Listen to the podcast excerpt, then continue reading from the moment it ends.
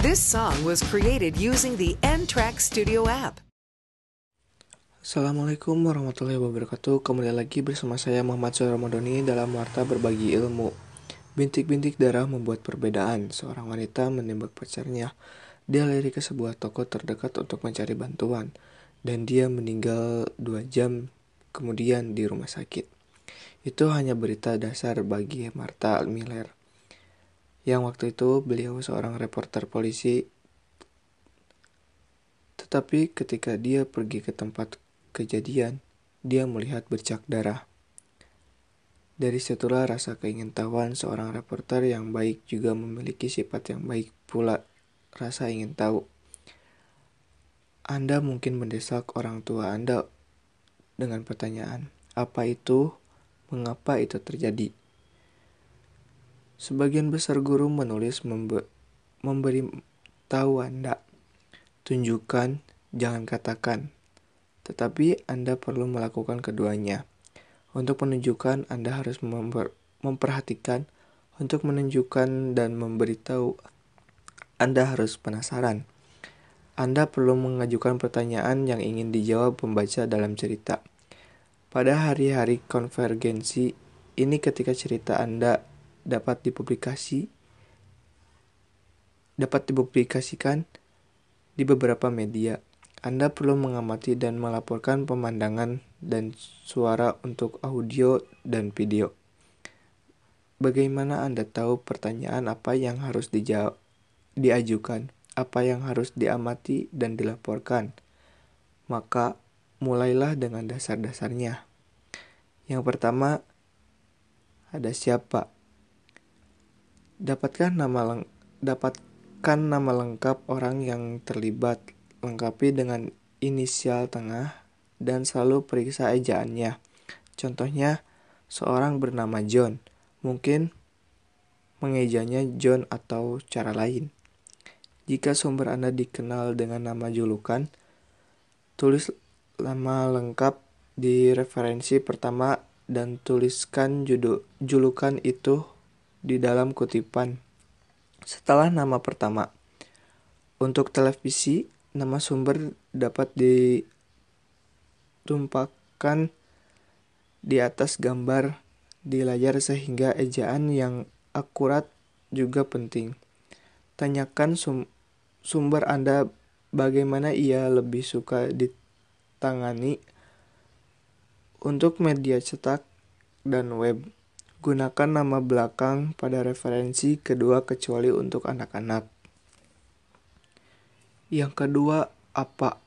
Dapatkan akun tentang apa yang terjadi dalam beberapa cerita, terutama cerita polisi seperti di atas.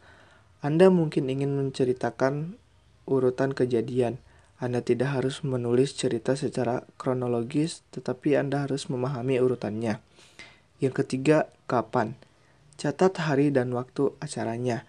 Jika Anda menulis cerita untuk web, Pertimbangkan untuk menulis garis waktu sebagai bilah sisi yang mungkin ditautkan dengan cerita atau ditetapkan di kontak pada halaman yang sama. Yang keempat, di mana? Dapatkan lokasi jelas adegan itu. Anda mungkin harus memberikan detail kepada sineman seniman grafis untuk peta lokasi. Jadi kumpulkan detail spesifik tentang lokasi. Yang kelima, mengapa memahami apa yang menyebabkan acara tersebut, apa konfliknya, dan apa resolusinya jika ada. Yang keenam, bagaimana mencari lebih banyak informasi tentang apa yang terjadi, bagaimana itu terjadi, dalam urutan apa acara dibuka. Yang ketujuh, jadi apa? Apa dampak acara ini terhadap para peserta? apa dampak pada pembaca, apa yang membuat cerita ini bernilai berita atau signifikan. Yang ketujuh, jadi apa? Apa dampak acara ini terhadap peserta? Peserta, apa dampak pada pembaca? Apa yang membuat cerita ini bernilai berita atau signifikan? Jika Anda menulis pertanyaan jejak pendapat untuk televisi atau web, apa yang akan Anda tanyakan kepada pembaca atau pemirsa. Sekarang, untuk pertanyaan yang lebih sulit. Apa yang perlu diketahui pembaca untuk memahami dan peduli dengan cerita Anda? Anda tidak dapat menjelaskan acara kecuali Anda memahaminya sendiri, dan Anda tidak bisa memahaminya kecuali jika Anda menggali jawaban. Kuncinya adalah melepaskan keingintahuan Anda. Berikut adalah teknik untuk mengembangkan rasa ingin tahu Anda. Yang pertama, bermain peran. Tempatkan diri Anda dalam peran pembaca, apa yang membuat cerita itu penting dan menarik. Jika Anda terpengaruh oleh cerita ini, apa ingin perlu Anda ketahui? Bayangkan Anda adalah seorang reporter untuk koran Kompas Anda. Yang kedua, pengamatan penulis yang baik harus menjadi reporter yang baik.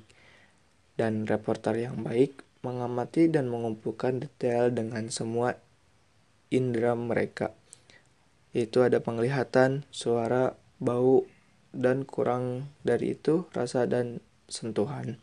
Anda dapat menggunakan kekuatan observasi Anda dalam cerita apa pun. Berikut adalah contoh teknik show in action. Di pohon palem di kampus Universitas Pittsburgh, Florida Selatan, seekor tupai mengunyah biji pohon. Beberapa kaki di bawah, tiga siswa dengan tenang mengumpulkan peralatan mereka. Seorang mengawasi tupai, seseorang mengatur kamera video, yang lainnya menyiapkan umpan. Tupai Candy Snakersku palsu dengan ekor dengan ekor robot. Jika ekornya cukup meyakinkan, tupai di pohon itu dapat mencoba berkomunikasi dengan robot di atas tanah. Itu bisa memberikan petunjuk baru tentang apa arti artinya ketika seekor tupai memukul ekornya. Ini adalah penelitian yang dilakukan sepenuhnya oleh mahasiswa. Adalah bagian dari filosofi baru di USF dan di universitas-universitas di seluruh negara. Yang selanjutnya ada hard news Face News. Anda membutuhkan pengamatan yang baik untuk berita keras dan cerita fitur, meskipun detail deskripsi berdasarkan pengamatan lebih umum dalam cerita fitur. Anda dapat menggunakan teknik observasi yang sama dalam mengumpulkan informasi untuk berita keras. Kisah-kisah tentang bencana cuaca, kebakaran, dan peristiwa-peristiwa lain di mana pemandangan itu sangat penting menunjukkan detail deskriptif berdasarkan pengamatan. Selanjutnya ada fakta face opini. Anda perlu menggunakan observasi untuk mengumpulkan fakta, fakta dan detail tentang suatu kejadian. Tetapi Anda tidak boleh mengumpulkan pendapat Anda tentang apa yang Anda lihat. Dalam berita, semua pendapat, penilaian, dan tuduhan harus dikaitkan dengan sumber. Meskipun berita yang disiarkan bisa lebih bersifat pribadi, Wartawan biasanya tidak menyebut diri mereka dalam berita kecuali jika mereka menanggapi pertanyaan dari pembawa berita. Sekian penampilan dari saya mengenai jurnalistik. Terima kasih.